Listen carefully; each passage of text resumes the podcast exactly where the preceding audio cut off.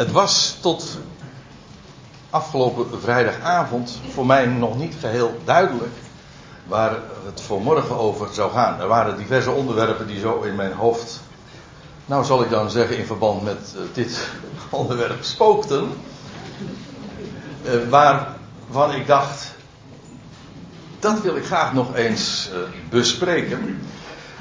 Maar ik kon maar met moeite een knoop doorhakken. Totdat ik in de avond een mailtje kreeg vanuit België en die ging zo. Hallo André. Pendelaars, waarzeggerij en van die dingen, daar blijf ik ver vanaf. Mede door wat mij vroeger geleerd werd. Als kinderen, als kinderen vragen om met Halloween mee te mogen doen of om naar Harry Potter te mogen kijken of zo, wat zeg je dan het beste als ouder? Laat je hen dit doen of niet? Sommige mensen denken dat je dan occult belast wordt. Wat zegt Paulus daar eigenlijk van? In deze tijd van het jaar zou dit geen optie zijn voor een lezing. En ja, nou weet ik niet of u weet wanneer Halloween is. 31 oktober, jazeker. Dus dat is inderdaad aankomende week. Trouwens, ik had wat dat betreft, als het gaat om feestdagen, kerkelijke dagen, nog wel meer uh, redenen. Ja, 31 oktober voor een goede protestant is natuurlijk uh, de dag van de reformatie, hervormingsdag. De dag dat ooit Maarten Luther ook die 95 stellingen op de slotkapel van Wittenberg spijkerde. Maar goed, toen kwam deze vraag en ik ga het daar ten dele over hebben. Uh, dat wil zeggen, ik ga het niet over Harry Potter hebben. Trouwens, ook in feite niet eens zozeer, ondanks de opmerkingen waar ik straks mee zal aanvangen over Halloween en of je dat als ouder nou wel of niet en dat soort gegriezel moet toelaten. Want dat vind ik weer van die arbitraire dingen waar ik me liever niet mee uh, bezig hou. Want ja, er valt altijd wat voor te zeggen. Is griezelen of horror of nou per se zo fout. Daar wou ik, het eigenlijk niet over hebben. Nee, ik heb, zoals u ziet, de titel is Halloween, jawel, maar dan vooral en de leugen over de dood. Het gaat niet om, in de eerste plaats om de vraag of je iets moet doen of mag doen. Of, dat is sowieso dat laatste niet aan de orde.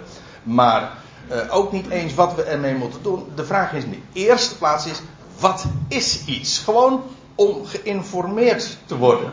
Wat is de kwestie? Waar gaat het over? Wat zijn de feiten? En daar op het Bijbels licht te laten schijnen. En wat je er dan vervolgens mee doet, bijvoorbeeld als ouder. Ja, nou ja, ik zou zeggen, vergader eerst eens eventjes de nodige gegevens en de informatie en laat Bijbels licht daarop schijnen. En dan ben ik ervan overtuigd dat het veel uh, eenvoudiger is om je weg er ook in te vinden. Maar dan heb je ook de vrijheid. Dan doe je iets niet omdat een ander zegt van dat is gevaarlijk of dat mag niet. Dan weet je gewoon hoe de vork aan de steel zit. Um, maar om dan toch even iets over dat uh, Halloween te zeggen. Um, ik persoonlijk heb er heel weinig uh, ervaring mee dat als goed protestant. Uh, gaat het mijn huisje altijd enigszins voorbij. Dat klinkt ook wel leuk hè. Maar neem niet weg dat in toenemende mate Halloween ook in Nederland steeds populairder wordt. En ik vond daarover het volgende. En ik geef u nu gewoon in eerste instantie. Ik beloof u dat het daar niet bij blijft, maar toch wat informatie over vanuit Wikipedia. Gewoon de algemene bekende internet-encyclopedie. Halloween, dat is afgeleid van All Hallows Eve. Oftewel, Allerheiligenavond. En dat is de avond voor Allerheiligen. En Allerheiligen is 1 november. Zodat inderdaad Halloween dus per definitie op 31 oktober valt. De dag dus ook dat de, de hervormingsdag, ja. De aardigheid is dat die dat fenomeen van Halloween al veel ouder is dan de kerkelijke kalender. En dat zie je trouwens in, in vele opzichten. Je ziet dat ook bijvoorbeeld bij kerst. Wij denken kerst, oh dan wordt Jezus geboorte gevierd. Nou, daar hebben we het wel eens vaker over gehad. Ooit, in een grijs verleden. dat is helemaal niet waar. Het komt gewoon uit uh, veel oudere feesten van het mid, uh, midwinterfeest. Met de, de, de de, de, de, hoe noemen ze dat? De zonnewende, ja precies, dat. Dat fenomeen. En dat zie je in feite ook weer bij dat Halloween, want de Keltische kalender, dus dan praat je over de kalender al voor onze jaartelling, die begon het jaar op 1 november. Met andere woorden, 31 oktober was van oudsher, althans onder de Kelten, oudejaarsavond. Aha. Vandaar die herrie. En eh, nog iets, op het eiland Groot-Brittannië werd Halloween vooral door de Kelten gevierd. Die geloofden dat op die dag de geesten van alle gestorvenen van het afgelopen jaar terugkwamen om te proberen een levend lichaam in bezit te nemen voor het komende jaar. Nou, dat is al wel een macaber idee. De geesten van alle gestorvenen. En dan op aller zielen, dat is, dat is dus, tenminste voor de Rooms-Katholieken, dan ook een, uh, een hoogtijdag. Want je hebt op 1 november dan aller heiligen en dan vervolgens, na de heiligen, volgen alle zielen. Daar zit trouwens wel een Bijbelse gedachte achter. Eerst de heiligen, daarna alle zielen. Oké, nou. Tweede, ja. Ja, hij valt? Ja, oké. Op alle zielen gingen in lompen gehulde christenen toen de tijd in de dorpen rond en bedelden om zielencake. Ja, dat soort cake bestaat ook. Dat is brood met krenten. Ik lees nu nog steeds gewoon voor uit Wikipedia. Dus, hè. En voor elk brood beloofden ze dan een gebed te zeggen voor de dode verwanten van de schenker. Om op die manier zijn bevrijding uit de tijdelijke straffen van het vagevuur te versnellen. En zodoende zijn opname in de hemel te bespoedigen. Want het idee was, voor, alvorens je in de hemel komt, wat natuurlijk ook nog geen vanzelfsprekendheid is, moest je eerst gezuiverd worden in het vage vuur. En om dat dus te, dat proces te versnellen, dan, daartoe dienden dan de, die gebeden. En om, de, om een gebed op te zeggen voor de dode verwanten die in het vage vuur daar eh, pijn leden. Dat had trouwens ook alles te maken met destijds toen, de, toen Luther dat zag met de gebruiken, misbruiken, net hoe je het zeggen wil, van Terzel die daar ook geld uit sloeg. Heel veel geld. En daar rijk mee werd. Als, uh, hoe was het ook alweer? Wat je winkelt, nee, in het kastje je zult in de hemel Aard?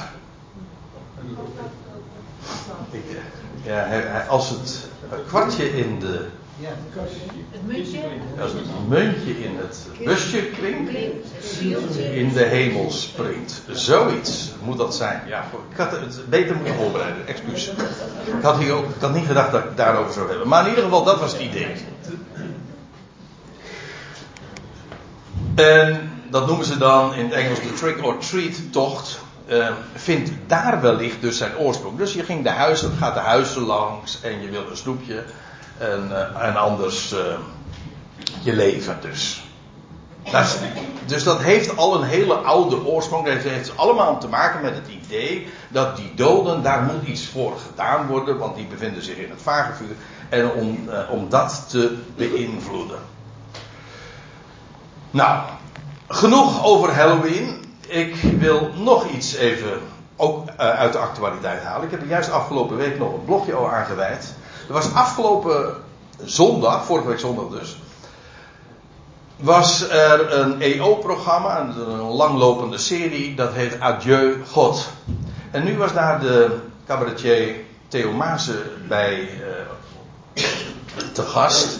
En Thijs van der Brink, de EO-presentator, die... Uh, die ondervroeg hem waarom hij, hij heeft trouwens niet zelf zozeer een rooms-katholieke achtergrond, maar hij komt wel uit die omgeving, waarom hij echt uh, God vaarwel gezegd heeft. Adieu God dus. Hè.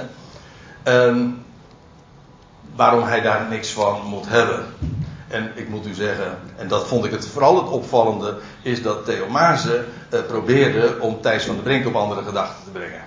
En Theo die zegt, ik geloof niet eens echt dat wat jij nu beweert, dat je dat echt gelooft.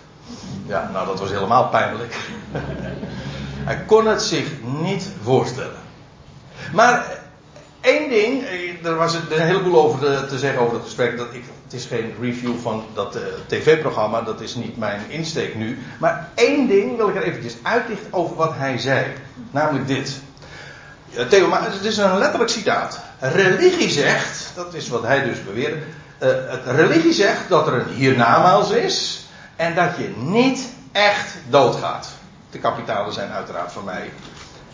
En dat die hemel toegankelijk is voor bepaalde mensen en voor bepaalde mensen niet. Nou, daar ging een, deel van het gesprek ook over.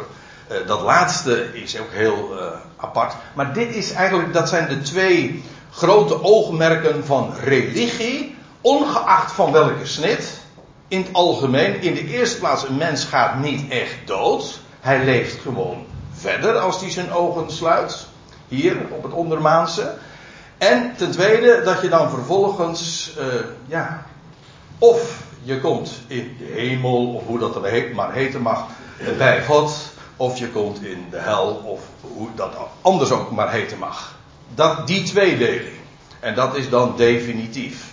En eigenlijk het hele aardse bestaan dient er vooral ook voor uh, dat je goed voorgesorteerd bent, zeg maar.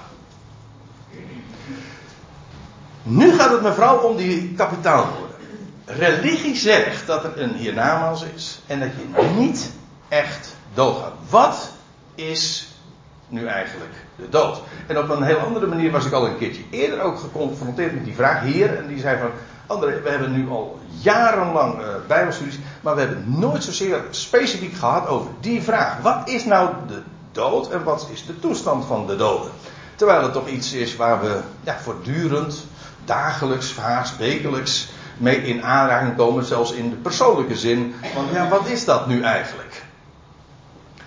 En dit lijkt mij een, uh, een uitspraak die Theo dan doet over wat religie in het algemeen is, die onweerlegbaar is. Inderdaad, religie zegt een mens gaat niet echt dood. Nou, laten we het daar eens over hebben. En ik wil u een aantal feiten, bijbelse feiten, over de dood doorgeven. En ik begin met een nogal eenvoudige. Je zou haast zeggen, het is een open deur intrappen.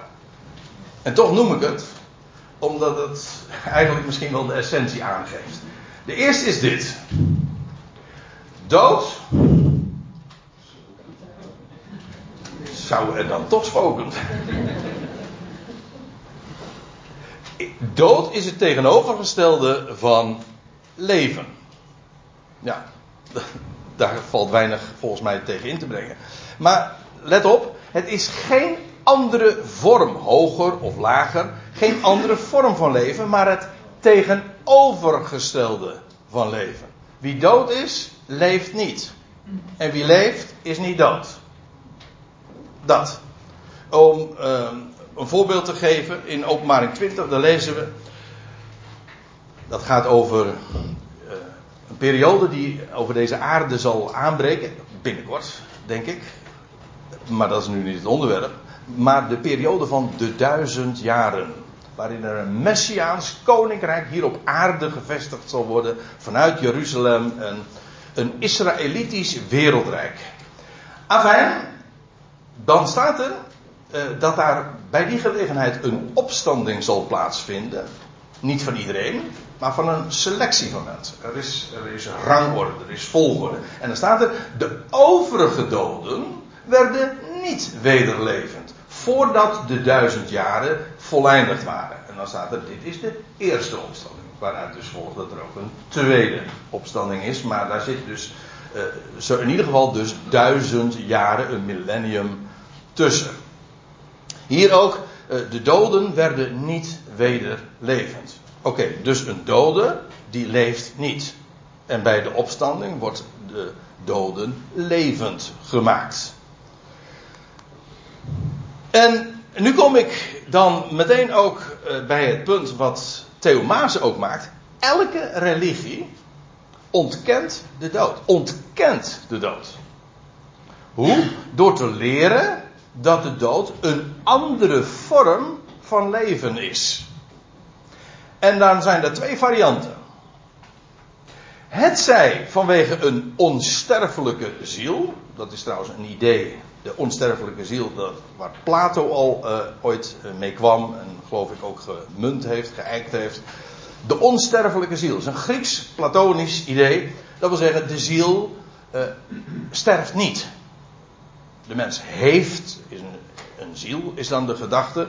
En die ziel en het lichaam is eigenlijk een soort van kerker, hè, waarin die ziel gevangen is. En op het moment dat de mens de laatste adem uitblaast, is, wordt de ziel bevrijd. En maar die ziel leeft gewoon verder. En dit, uh, dit is eigenlijk alleen maar stoffelijk omhulsel. En dan, dan de ziel zelf sterft niet. De onsterfelijke ziel. Dus een mens gaat niet echt dood, hij laat alleen zijn lichaam achter. Dat is dan het idee. Er is een andere variant, maar dan moet je vooral uh, naar ja, een paar duizend kilometer naar het oosten gaan. En er zijn er miljarden mensen die ook geloven dat een mens niet echt sterft. Maar dat heeft dan te maken met het idee van een zielsverhuizing. Oftewel de reïncarnatie. Een mens wordt weer opnieuw vlees. Re betekent opnieuw, weder. En dat karn heeft te maken met vlees. Hè? Dat weet u. En incarnatie betekent je weer in het vlees komen. Je was in het vlees, je sterft en je komt weer in het vlees. In wat voor vorm dan ook. En zodat, dat, uh, dan is het idee bij reïncarnatie uh, dat je een heel aantal levens zo hier op aarde doormaakt, in welke situatie, welke conditie dan ook, als mens, als dier. En dat hangt ook weer af van hoe je hier geleefd hebt, hoe je dan vervolgens weer verder gaat. En ik ken iemand die zei van, nou, uh, ik geloof niet in reïncarnatie, maar in mijn vorige leven wel. Maar goed. Dat zijn de twee varianten van uh, uh, de ontkenning van de dood. Want in beide gevallen, of je nou denkt aan reïncarnatie of aan een onsterfelijke ziel, een mens gaat niet echt dood. Dat, heet, dat lijkt alleen maar zo. Lijkt, leuk hè, alleen maar zo. Maar het is niet echt zo. Een mens wordt een lijk, oké, maar de ziel gaat gewoon in andere hoedanigheid verder. Maar ik zal u vertellen. Dat heeft, dat idee heeft een hele duistere, sinistere oorsprong. Het was namelijk de eerste leugen van de slang. Dat wezen dat zich voordeed in de hof van Eden. Want wat zei die namelijk? Het was de eerste leugen waar die mee aankwam. Die zei tot de vrouw, en u kent allemaal het, uh, de, de, context, ga ik er even gemakshalve van uit. Hij zei tegen de vrouw, nadat de vrouw had gezegd van ja, maar die, van die vrucht zouden we niet eten, want dan, dan gaan we dood namelijk. Nee, zegt hij, je zult geen zins sterven. Maar God weet, dus dat was ook alweer het verdacht maken van God, betwijfelen, nee, sterker nog, niet alleen betwijfelen, maar ook regelrecht tegenspreken wat God had gesproken. Je ziet hier ook echt, je hoort het sissen van de slang gewoon in de strategie die hij toepast om de ander te misleiden, op een ander spoor te brengen. En dat is de ontkenning van de dood. Hij zegt, je zult helemaal niet sterven. Integendeel, hij zegt, maar God weet, dat is de verdachtmaking van God, dat ten dagen dat je daarvan eet, je ogen geopend zullen worden. Aha, dus in plaats van dat je sterft, ga je, worden je ogen geopend. Wat het basisidee is van wat hij hier zegt is, God zegt, je zult sterven. Nee, zegt de slang, oftewel ja, de oude tuinslang, zal ik maar zeggen, of de uh, Satan, de tegenstander, de diabolos, degene die dingen door elkaar gooit. Je gaat helemaal niet dood. Integendeel. Maar dat idee hebben alle religies vervolgens overgenomen. Je gaat niet echt dood. Dat kan niet, want de Bijbel maakt wel degelijk een verschil tussen de doden en leven. Dat wil zeggen, degene die leeft, die is niet dood en de dood, die leeft niet. Dus niet, die leeft op een andere manier voort. Nee, is dood. Dus. Oké, feit nummer twee over de Bijbel.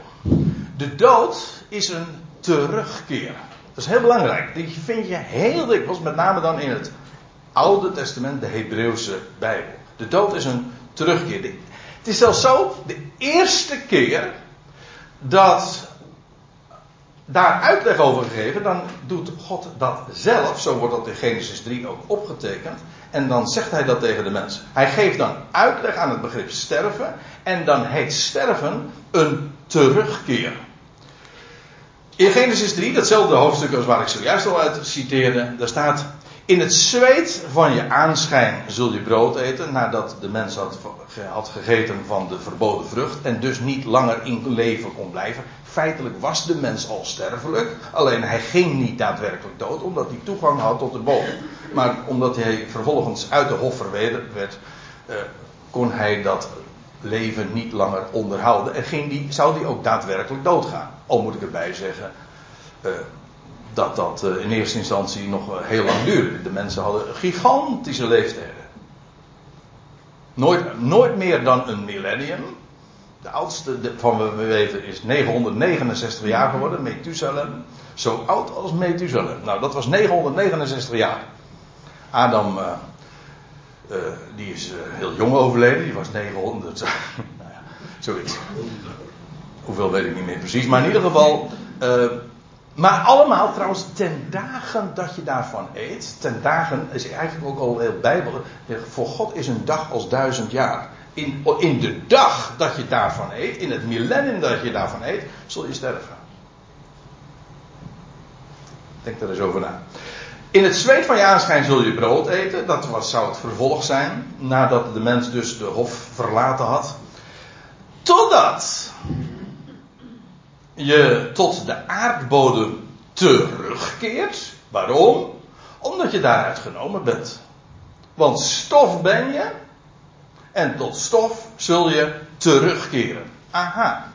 Dus de dood is weer een. Je gaat weer terug naar af uit datgene waar je genomen bent, wel, daar keer je weer terug. Al het materiaal wat je hier dus ziet, ja, dat is allemaal uit de aarde genomen, hoe dan ook. En er komt een moment dat je de laatste adem uitblaast. En dan keert dat allemaal weer terug naar de aardbodem waaruit het ooit voortgekomen is. Dust in the wind. That's all we are, toch? Bij het sterven. Ja, nou ga ik een beetje een, ik heb even gezocht naar een goed woord, maar ik vond geen eerbiedige woord. Vandaar. Bij het sterven valt de mens weer uiteen in de twee componenten. Vergeef me het woord. Pak me er niet op, maar ik wist even geen beter woord. Bij het sterven valt de mens weer uiteen in de componenten waaruit hij is samengesteld. Namelijk stof en geest. Waarbij geest heel ruim begrip is.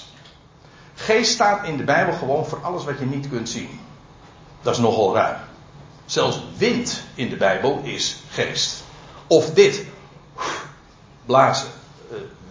Eh, je ziet de effecten ervan. Maar adem is ook geest. Uh, het denken is ook geest. Maar het is allemaal valt. Het is feitelijk een containerbegrip. Dus het zegt niet zozeer over wat iets is. Maar over het feit dat wij het niet kunnen zien. Ons onvermogen, ons handicap.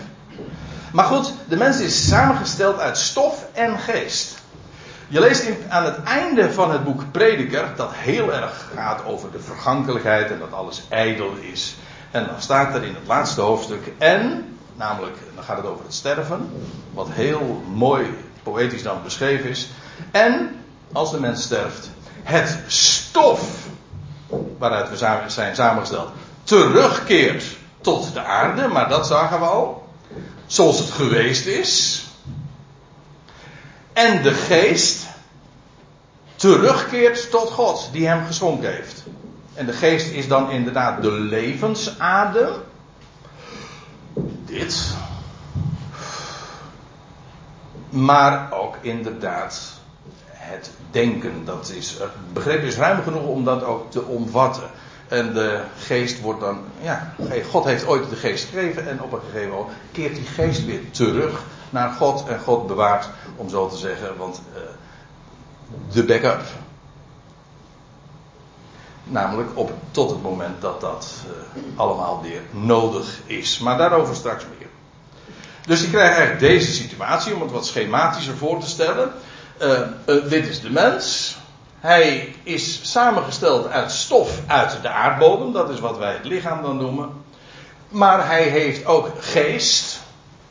De levensadem. Maar ook het denken. Het dat is wat geest is. De ruach. Of het heet ook neshama. Nou ja, er zijn allerlei begrippen voor. Ik wil daar nu niet op inzoomen. Het gaat maar even om, om over die twee verschillende. Stof en geest. Het stof keert weer terug naar de aarde. Uh, nee, is niet, pardon. Het stof uh, is afkomstig uit de aardbodem. Dit is, dit is, de situatie feitelijk bij de geboorte, of eigenlijk bij de creatie van Adam. Je leest in Genesis 2, vers 7 dat God uh, nam stof uit de aardbodem.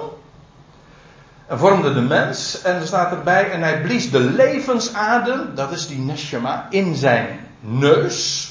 En er staat erbij, alzo werd de mens een levende ziel. Dat is trouwens ook eigenaardig. De mens heeft niet zozeer een ziel. De mens is een ziel. Waarbij een ziel feitelijk niks anders is. Een levende ziel. Dat is stof uit de aardbodem. Ja, en ook waarin geest is. Dat wil zeggen, die ademt en trouwens ook beweegt. Trouwens, de eerste keren dat de term ziel gebruikt wordt, levende zielen. Uh, in de meeste vertalingen komt dat niet uit de verf. Tenminste, de, de MBG-vertaling niet. Uh, omdat er dan levende wezens vertaald wordt. Maar in Genesis 1 worden dieren voor het eerst levende zielen genoemd. Dus een dier is ook een levende ziel. Planten niet. Want die wemelen niet, die krioelen niet, die, die staan op een vaste plek. Maar een dier, dat is dus wat de mens gemeen heeft met het dier, is een levende ziel. Tenminste, vanaf zijn geboorte. Want dan begin je te ademen. Toch? En dan, dit is de situatie uh, bij de geboorte. En als een mens dan sterft, ja, dan uh, keert de geest weer terug naar God. Dat is een terugkeer dus. En het stof keert weer terug tot de aardbodem. En inderdaad, over de kleurtjes van die pijltjes is nagedacht, want dat blauwe dat heeft te maken met de hemel. En rood, maar daar moet je een beetje Hebreeuws voor kunnen denken, uh, is rood. Dat rode is de aarde. Adom, Adama. Dat is de kleur van de rode aarde, dat. En dan heet de mens, vanaf dat moment dat hij de laatste adem heeft uitgeblazen, heet hij een dode ziel. Hij is, wij zijn hier levende zielen en op het moment dat de mens sterft, ben je een dode ziel. Dus is, het idee is dus niet de, een onsterfelijke ziel. Ik geef je dit op een briefje. Nou, ik is een beetje raar taalgebruik. Maar ik, eh, ja, ik geef het u op een briefje, een hele dikke. De term een onsterfelijke ziel staat nergens in de Bijbel. Wel de, ziel, de ziel die zondag sterft. Dat staat er wel. Of uh, dode zielen. Ja, je moet, als je Bijbelstudie doet, moet je eigenlijk vooral. Dat is een reinigingsproces, want je komt allerlei ideeën die, waar je gewoon van oudsher en traditioneel of uh, hoe dan ook mee opgezadeld bent, dan raak je allemaal kwijt. Dat is soms pijnlijk, want je moet soms allerlei geliefde concepten loslaten, want ja, het heeft toch ook wel, het heeft ook wel weer wat. Ja, maar je krijgt er zoveel meer voor terug. Ook dat. Al was het maar de waarheid. Goed, een levende ziel, een dode ziel. Maar de dus op het moment dat een mens sterft, keert hij terug. In de dubbele zin van het woord. Zowel de geest, levensadem, als het lichaam, het stof. En na het sterven is de mens niet meer. Zo zeggen we dat ook wel. Hij is niet meer. En dat is ook bijbelstaalgebruik. Zoals hij voor zijn geboorte ook niet was. Ja, waar ben je dan? Nou, dan ben je niet meer. Dat is net zoiets, waar was ik voor mijn, was, waar was ik voor mijn conceptie? Nou, toen was ik er niet. Uh, ik hoorde van mijn vader nog zeggen van de uitdrukking, zolang ik er ben, is de dood er niet. En als de dood er is, ben ik er niet meer. Ja, dat is zo. Er staat in Psalm 39, want ja, ik geef graag de bonnetjes erbij. Ik zeg vijf bijbelse feiten, dus voor elk feit wil ik u minstens één of twee uh, bonnetjes gewoon geven. Maar ik had er vele kunnen geven. Daar staat er in de psalm, dat de psalmist zegt, werp uw blik van mij af. Uh, Wend uw blik van mij af, opdat ik mij wederom verblijde, eer dat ik heen ga. Sterf namelijk, en niet meer ben. Iemand die dood is, is niet meer. Oké, nou, het derde bijbelse feit. De dood is als een slaap. Dat is een vergelijking. Is de dood een slaap? Ja, in zekere zin. Maar het wordt daarmee vergelijken, vergeleken op vele, vele plaatsen. Alleen al de term ontslapen heeft daar natuurlijk direct mee te maken. Maar dat heeft te maken met het feit dat wie slaapt in een toestand is van rust. Ja, en van bewusteloosheid. Je weet, hebt geen weet van de dingen om je heen. Je bent dus inderdaad bewust, uh, zonder bewustzijn. Je rust hè, in vrede. Rest in peace. Uh, ik wil een paar gegevens daar eens voor het voetlicht brengen. Je leest in Johannes 11 die prachtige geschiedenis van Lazarus, de vriend van Jezus en de huisgenoot van Maria en Martha, die ziek werd en sterft.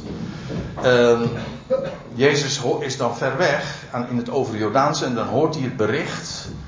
Uh, dan gaat hij niet meteen, dan wacht hij twee dagen. En gaat hij pas de derde dag gaat hij daar naartoe. Dan zeg ik even niks. En dan ga ik weer verder. En dan staat er dat Jezus zegt, en dan is hij op weg met zijn leerlingen naar eh, Bethanië, want daar, dat is vlakbij Jeruzalem. En dan zegt hij, Lazarus, onze vriend, is ingeslapen. Maar ik ga om hem uit de slaap te halen. En dan Jezus' discipelen begrijpen de, de beeldspraak niet. Of die, nee, ze begrijpen de beeldspraak niet. Ze begrijpen niet dat hij in beelden spreekt of in, bij wijze van spreken. Figuurlijk. De leerlingen dan zeiden tot hem: Heer, als hij is ingeslapen, nou dan zal hij hersteld worden. Per slotverrekening, als een mens slaapt, ja, dan ontwaak je wel weer. Dat de term slaap als beeld, als aanduiding voor de dood, is prachtig. Niet alleen maar omdat het de bewusteloosheid aangeeft, maar omdat daar ook in, eh, in besloten ligt dat het tijdelijk is. Namelijk, je ontwaakt weer. TZT. Zo is dat. En dat is wat de leerlingen hier ook zeggen. Als hij is inslaat, dan zal hij worden hersteld. Jezus, en staat erbij, dat zegt Johannes even ter verduidelijking. Die ooit trouwens bij gezelschap hoorde, want hij is ooggetuige van dit gesprek geweest. Jezus nu had het uitgesproken omtrent zijn dood. Maar zij meenden dat hij het omtrent de rust van de slaap zei. Aha. Dus hij begrepen niet dat het beeldspraak was. Maar het idee is, hij, Lazarus, hij sliep. Eigenaardig trouwens ook dat als Jezus dan hem inderdaad heeft opgewekt. Prachtige geschiedenis, Johannes 11 is een lang hoofdstuk, gaat daarover. We hebben het ooit in Bodegraven uitgebreid ook uh, besproken. Dat uh, Lazarus ook uh, niet boos is dat hij uit de dood is opgewekt. Want ja, hij had het zo mooi, weet je, hij was daar aan het hemelen of zo. Dat idee. nee, helemaal niet. Of dat gevraagd wordt, wat voor ervaringen, hoe was het daar? Nee, helemaal niets. Lazarus sliep. Hoe was dat? Nou, ik sliep. En over ervaringen in, uh, in de dood, daar spreekt de Bijbel helemaal niet. En ik wil daar gewoon nog een aantal schriftplaatsen, maar uh, de lijst is uh, bijna eindeloos. Overdreven, maar in ieder geval heel lang te maken. Maar ik wil het gewoon even beperkt houden. Een paar hele duidelijke statements. Ik citeerde al eerder uit het boek Prediker. Daar staat dit. De levenden, die weten tenminste dat ze sterven moeten. Maar staat er, de doden, die weten niets. Dat is het grote verschil tussen mij, die leeft, en een dode. Namelijk, ik weet dingen, al was het maar dat ik sterven moet. En een dode, die weet. Wat zegt prediker? Niets. En even later trouwens, in datzelfde hoofdstuk zegt hij. Al wat dat is de conclusie daar ook uit. Al wat je hand vindt om naar uw vermogen te doen, doe dat. Hoezo? Nou, want er is geen werk, of overleg, of kennis, Of wijsheid in het dodenrijk waarheen je gaat. De Hades. Ja, hier de Sheol. De toestand waar je, waar je bevindt. Oh, voor zover je ergens bevindt. Maar uh, die, de toestand waarin je bent als je uh, sterft. En wat is, wat is daarvan te zeggen? Nou, dat er geen werk is, geen overleg, geen communicatie, geen kennis of nog meer uitzicht, inzicht, helemaal niets. De doden weten namelijk niets. En dat laat zich zo omschrijven van geen werk, geen overleg, geen of kennis of dodenrijk. Daar ga je naartoe. En daarom, zegt prediker ook, eh, als je wat wilt doen, moet je het nu doen. Gewoon als je leeft. Want als je eenmaal gestorven bent, dan kan het niet meer. Dan is het te laat. You only live once. Zo was het toch. Ja, nou ja, dat is trouwens ook betrekkelijk. Uh, maar goed, in ieder geval de waarheid aan zich is, als je dood bent, dan kan dat niet meer gedaan worden. Dat is wat prediker hier zegt. Uh, Hiskia die zegt, nadat hij trouwens uh, op een wonderlijke manier is genezen of en nog een heel aantal jaren aan zijn leven toegevoegd kreeg, de, en dan zegt hij, en dan spreekt hij een, dankgebed, een psalm uit, dan zegt hij, het, want het dodenrijk looft u niet, de dood prijst u niet, en wie in het graf zijn neergedaald, ja die hopen niet op uw trouw, nee de, ze weten niks. Ze overleggen niet, er is geen wijsheid, er is geen kennis, dus ze loven God ook niet. Dus het idee van, ja, van. Uh, je ziet het heel vaak natuurlijk op rouwkaarten staan. En ik vind het altijd een beetje precair. Het gaat mij er ook helemaal niet om. Uh, om kritiek te hebben op. Uh, op wat een ander schrijft of hoe een ander dat beleeft. Dat is niet aan mij. Ik wil alleen laten zien wat de schrift erover zegt. Het is dus niet waar, dat wou ik zeggen, dat wat men zegt. ja, degene die nu overleden is, hij juicht voor Gods kroon. Voor Gods troon. Nu. Nee, de doden weten niets. Ze leven niet op een andere manier voort. Ze zijn dus dood in een toestand van slaap. Vergelijkbaar met de toestand waar u een paar uur geleden ook in was. De meeste van ons tenminste. Namelijk slaap. Je van niets bewust zijn. Nou, ja, we moeten verder. Want eigenlijk de. Nou, we hebben een aantal belangrijke feiten nu al gezien over wat dood is. Maar uh, ik zou het niet graag nu willen stoppen. Want, want de echte hoop zit hem, en ik heb het al eventjes aangegeven zojuist ook, dat uh, de dood vergeleken wordt met een slaap, ja, dat heeft ook te maken met het feit dat het een tijdelijk proces is. De doden weten niet, zijn dus inderdaad echt dood. Ze leven niet voort, er is geen kennis, geen wijsheid, geen overleg, er is geen boven niks. Maar, niettemin, zij worden wel gewekt. Dat is de grote Bijbelse verwachting. De dood is dus een punt, maar eigenlijk moet je zeggen een komma. Het is een onderbreking. Het is eigenlijk niet, als ik het eventjes met het, uh, met het toetsen vergelijk op je audio uh, recorder. Hè, het is niet een stop, maar het is een pauze. Het houdt ook inderdaad op, dat is waar, maar wel met het idee, het wordt weer hervat. Wordt vervolgd. Dat is een mooie voor op, de, op het grafsteen. Hm? Wordt vervolgd. To be continued. De doden, en nou let op hoe ik het ook uitdruk, want het is iets wat dikwijls door elkaar gehaald wordt. En er is een subtiel verschil. De doden worden volgens de schrift gewekt. Of, zo u wilt, opgewekt. Waarom? Om op te staan. Want het idee is dat opwekking, en ik heb het niet over die stichting die jaarlijks evenementen organiseert, ook niet over die liedjesbundel, nee, opwekking, namelijk opwekken uit de doden, gaat vooraf aan opstanding. Dat klinkt misschien wat ondoorzichtig, maar het is eigenlijk heel eenvoudig. Je hebt namelijk dit, je hebt deze twee begrippen, moet ik eventjes uit, uit elkaar halen. Er zijn namelijk twee bijbelse begrippen. Ook in onze vertalingen komt dat meestal wel uit de verf. Hoewel, nee, Terwijl ik het zeg, dat is niet helemaal waar. Maar in ieder geval, de Bijbel, ook elke vertaling kent het verschil tussen opwekken en opstaan. Kijk, er zijn verschillende Griekse woorden. Opwekken, komen. Dat is het Griekse woord egeiro. Maar je hebt ook het woordje opstaan. Wij kennen allemaal ook uh, anastasis, dat opstanding betekent. Ana is, is een voorzetsel, betekent opwaarts, naar boven. En stasis, ja, dat heeft te maken met staan. Dus opstaan. Vanuit een zittende of liggende positie sta je op. Maar het, het verschil is, het ene heeft primair te maken met de geest. De geest wordt gewekt. Het lichaam staat op. Of anders gezegd, want nu uh, kan de vergelijking weer doorgetrokken worden. Zoals het is. Het ene is het ontwaken.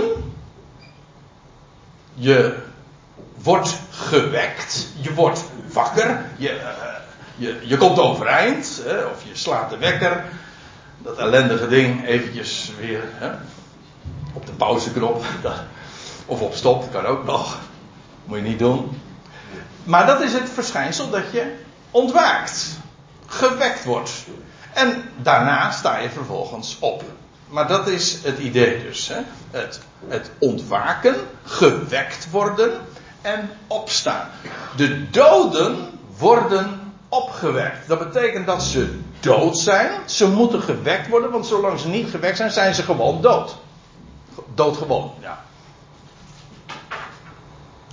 En als ze gewekt worden, dan staan ze vervolgens op. Vaak worden die begrippen min of meer door elkaar uh, gebruikt. Je kan ook zeggen iemand doen opstaan. Dan, dan, koppel je de beide begrippen aan één. Hè. Je doet iemand opstaan door hem op te wekken en vervolgens nou dat. Maar dat is het idee. En er is een heel mooi vers waarin dat heel duidelijk uit, de, in uit te leggen is. Er staat in Efeze 5, vers 14. Ont, daarom zegt hij: Ontwaakt gij die slaapt, of gij die sluimert, jij die sluimert, en sta op vanuit de doden, en Christus zal over u lichten. Ja. Ik zeg hem nu even in de versie zoals ik hem eh, bekend, dus zoals die het meest bekend is. Maar daar staan hier ook inderdaad die twee verschillende Griekse woorden waar ik het zojuist over had. Ontwaakt, wordt gewekt, en sta op je ontwaakt als je in een toestand bent van slapen, van sluimeren, van geen bewustzijn. En vervolgens, als je gewekt bent, sta je op.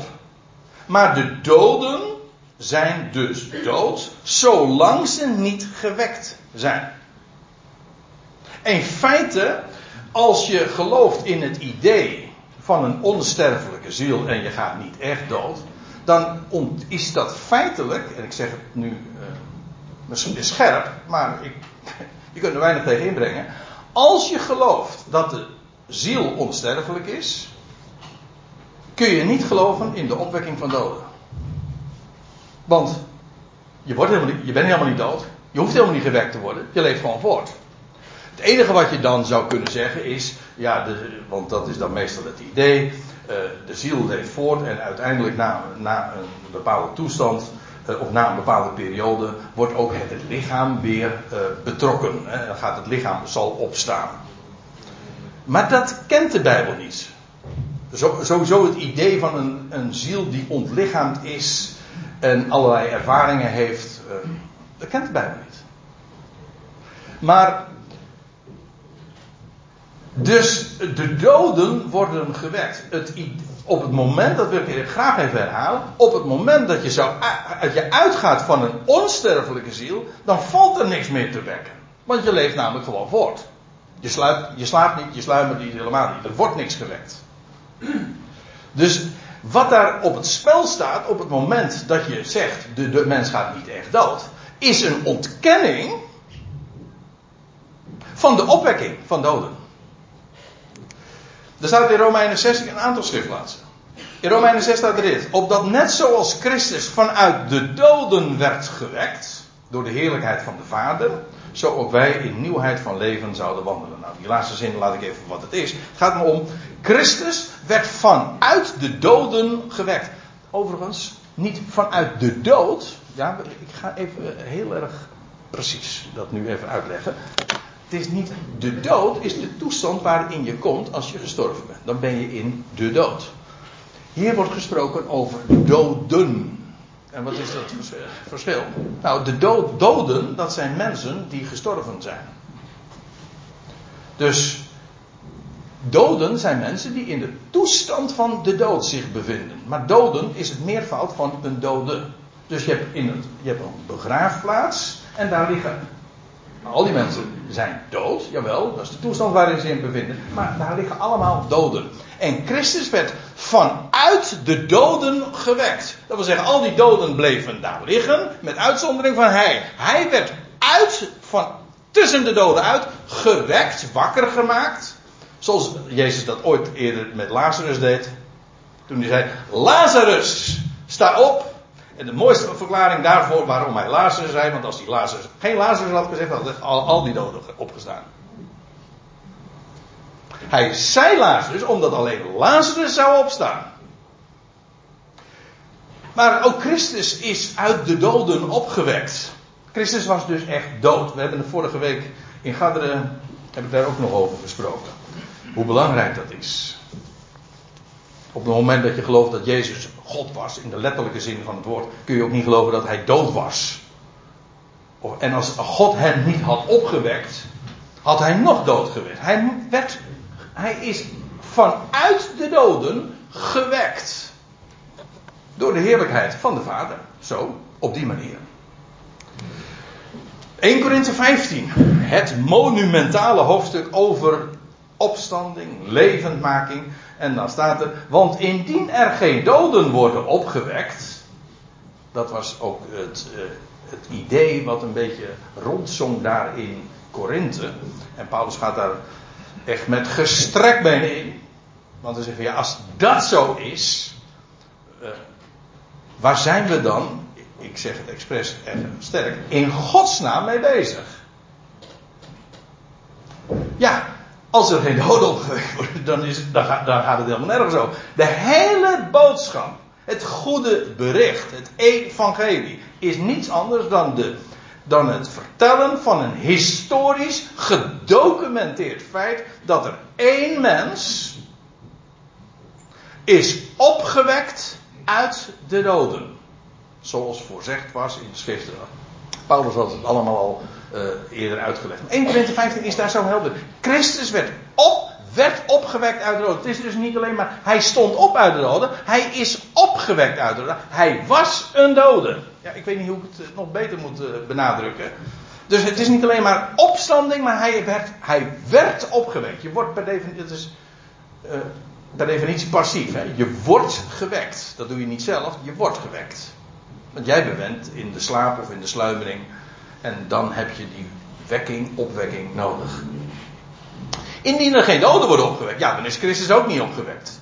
Maar indien Christus niet is opgewekt, zinloos is jullie geloof. Ja. Nou, en dan komen we bij het vijfde feit aan. Dan moet ik. Daar, ik zei vijf Bijbelse feiten en nu de laatste. En uh, misschien is dat nog wel de aller, allerbelangrijkste. Namelijk, de Bijbelse waarheid is: de dood wordt teniet gedaan. Eigenaardig als je daarover doordenkt, over deze formulering, want de dood zelf is een teniet doen. Toch? De dood, ja, wat gebeurt er? Een, men spreekt ook over annihilatie. Nihil. Je wordt niets, eh, tot niets gemaakt. Denk ook aan het woordje annuleren. Het vernietig verklaard. Nihil. En, maar dat is wat de dood is. Je bent hier en dan vervolgens, je bent hier iets. Niet al te veel. Moet je niet al te veel uh, over opgeven. Je bent hier iets. En dan blaas je de laatste adem uit. En we zijn allemaal gewoon stof. En dan keer je weer terug.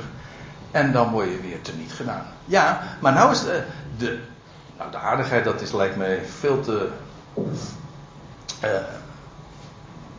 dat lijkt me veel te slap gezegd. Nee, de dood zelf wordt teniet gedaan. Of, als ik het nou eventjes een beetje vreemd mag formuleren, de annihilatie, de tenietdoening, die wordt er niet gedaan. De dood wordt teniet gedaan. Ja, hoe? Nou, er is maar één manier. Hoe je de, de, de dood teniet kan doen. Ik ga het ook straks laten zien. Maar er is maar één manier om de dood teniet te doen. En dat is door alle mensen levend te maken. Als je alle mensen levend maakt. Ja, dan is er geen dood meer. En zo wordt de dood er niet gedaan.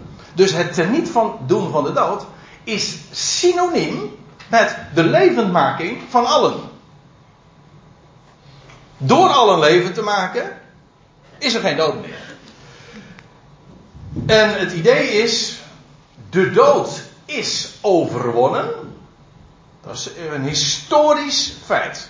Namelijk toen de eersteling verrees uit het graf. Jezus Christus werd opgewekt uit de doden als eersteling. Niet omdat er eerder al geen mensen waren opgewekt en uh, opgestaan, maar hij als eerste stond op om nooit meer te sterven. Hij bracht onvergankelijk leven aan het licht. Hij is, ja inderdaad, de eersteling. Toen is principieel de dood overwonnen.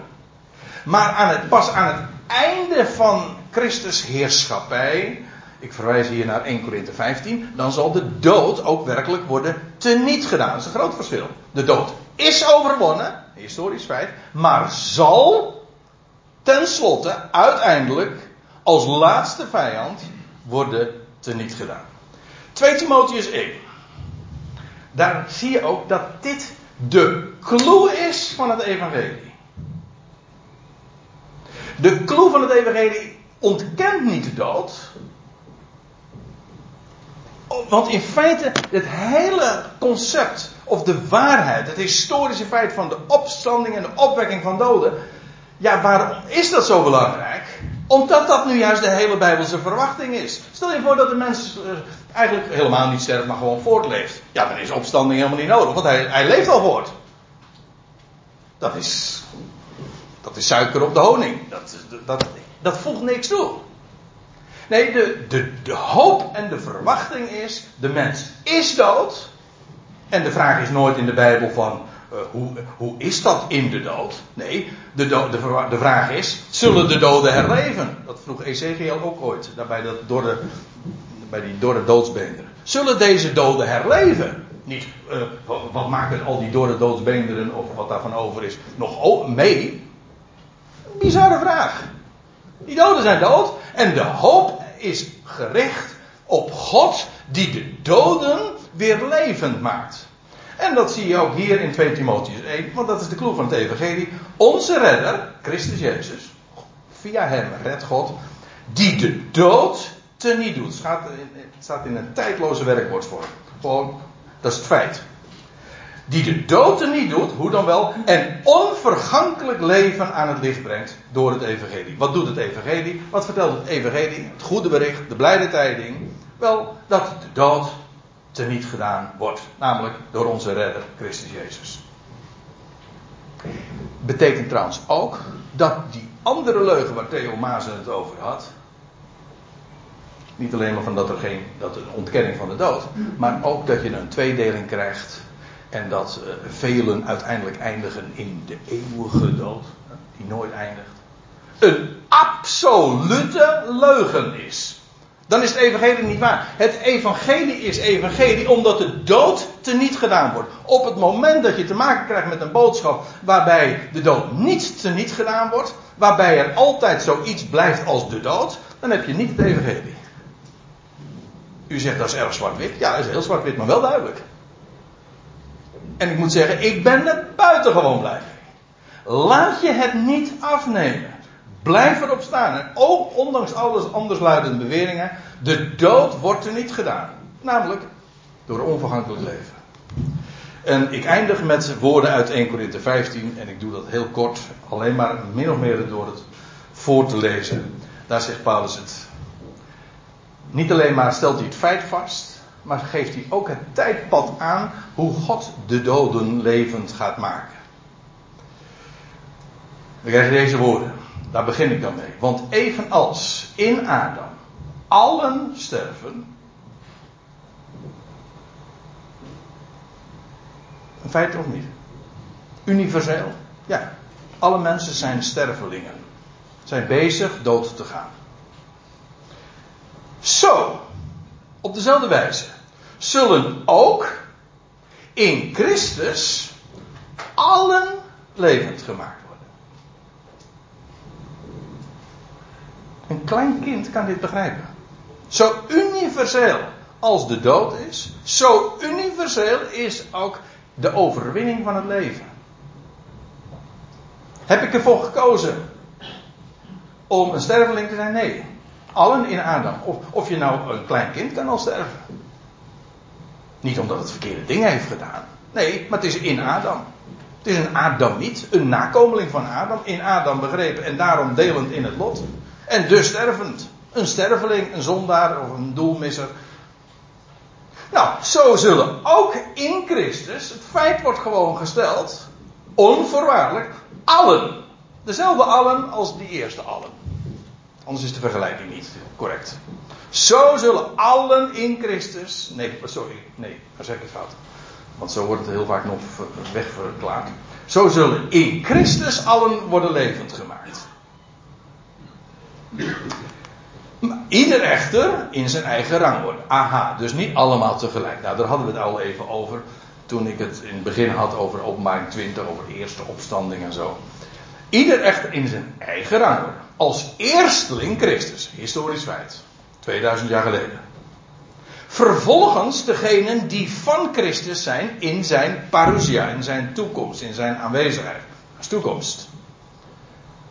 Hebben we dan iedereen? Nee, dan hebben we degenen die van Christus zijn. En degenen die dan niet van Christus zijn, nou, let op. Daarna het einde. Van wat? Ja, van levendmaking, want daar had hij het over. Allen worden levend gemaakt, maar niet allemaal tegelijk. Iedereen zijn eigen rang worden. Als, als eersteling Christus. De, vervolgens degenen die van Christus zijn. Daarna het einde, namelijk de overigen. Namelijk die niet van Christus zijn, die ook levend gemaakt moeten worden.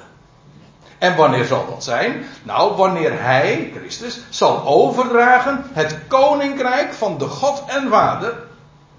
En wanneer hij zal teniet doen alle overheid, alle autoriteit en macht. Aha.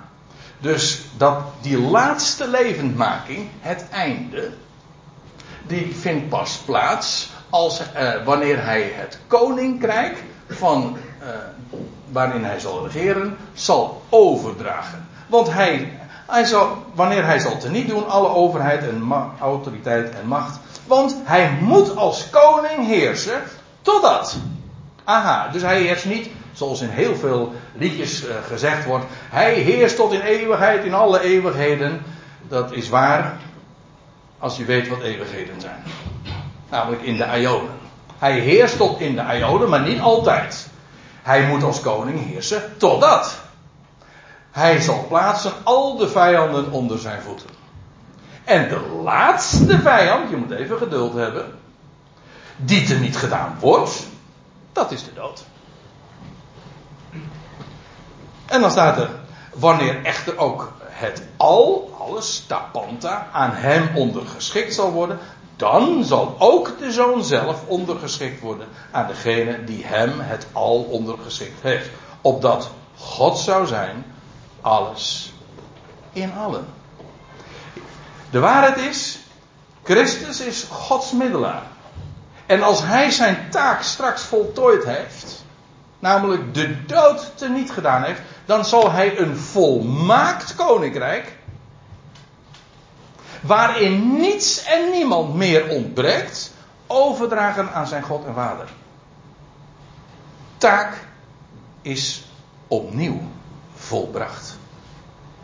En volmaakt koninkrijk kan hij aan zijn God en Vader teruggeven. En dan zal ook de zoon terugtreden. Dan heeft hij zijn taak die hij ooit gekregen heeft van zijn vader, zijn God en vader, voltooid. En dan, ja, dan is er geen dood meer. En dan staat er ook, opdat de God zou zijn, alles. En ook in allen. Want niemand ontbreekt. De dood is er niet gedaan. En allen zijn dan levend gemaakt. Namelijk aan het einde van Christus heerschappij. En zo voltooit God zijn plan. Zo doet hij de dood, die echt een vijand is, want de vijand doet teniet. Dat is wat de dood is. Ja, maar de dood zelf wordt er niet gedaan. En Dat doel heeft God niet alleen voor ogen, dat bereikt hij ook. En zo zal hij ook worden alles. In allen.